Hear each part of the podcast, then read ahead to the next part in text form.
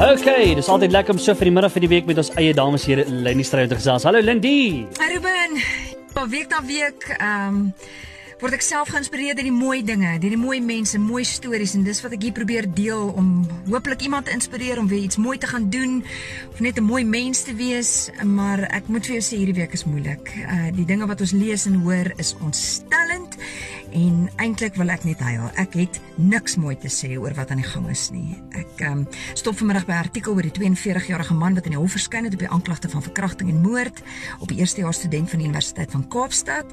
Sy wou 'n pakkie by die poskantoor gaan haal en dis waar hy gewerk het. Um, hy het gesê die krag is af, sy moet later terugkom en toe het um, die wreedste goed met haar gebeur. Uh, Ja, en is nie gereeld wat ek so 'n totale moedelose sonder woorde punt bereik nie. Um En toe ek vanmiddag soek ek kon aanvanklik nie die meisie se naam onthou nie, maar ek onthou 'n post met die #enough en en, en dis toe wat ek op Google gaan soek. En daar kom die een na die ander genoeg is genoeg uitspraak van verskillende groepe en mense die Nigeriërs wat sê genoeg van hierdie xenofobiese aanvalle op hulle mense in Suid-Afrika. En die Amerikaners wat sê genoeg van die wapengeweld dit moet stop. En Suid-Afrikaanse vrouens maar ook mans wat sê die mishandeling van ons vrouens en kinders dis genoeg. Dit dit moet stop. Maar my vraag vanmiddag vir myself en miskien vir jou ook is waar is jou punt van genoeg? Wanneer sal jy sê dit is nou so genoeg dat ek eenvoudig iets daaraan moet doen?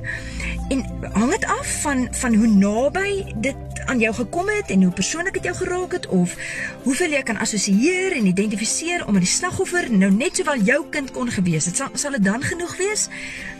Ja, yeah, Ruben, ek gaan kyk weer vanmiddag Jou Niemand se se liedjie en die lirieke wat sê genoeg is genoeg van hierdie waansin. Ja, ek en my huis sal saam sing tot hier tot hier toe, nê. En nie een stap verder nie. Ek is nie gemaak om weggesteek te word nie, skaam te wees of vir goed te smeek nie, 'n slaaf te wees of om misbruik te word nie. Hoor my stem. Here, ek's moeg om net te lê. Staan op vir my en al die kinders. Ons is nie gemaak om in ons huise weg te kruip nie. Om stil te bly oor boosheid is nie ons God se styl nie.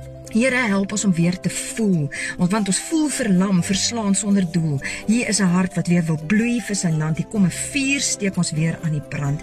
Ek dink Joe het hier iets beet en hierdie liedjie is nie nou geskryf nie, maar dit kon net sowel. Here, laat ons weer voel want wat gebeur is ons ons lees hierdie lamppale en hierdie opskrifte en hierdie artikels en 'n ou voel oorweldig en jy voel magteloos en jy voel of jy niks daaraan kan doen nie en dis nie die waarheid nie.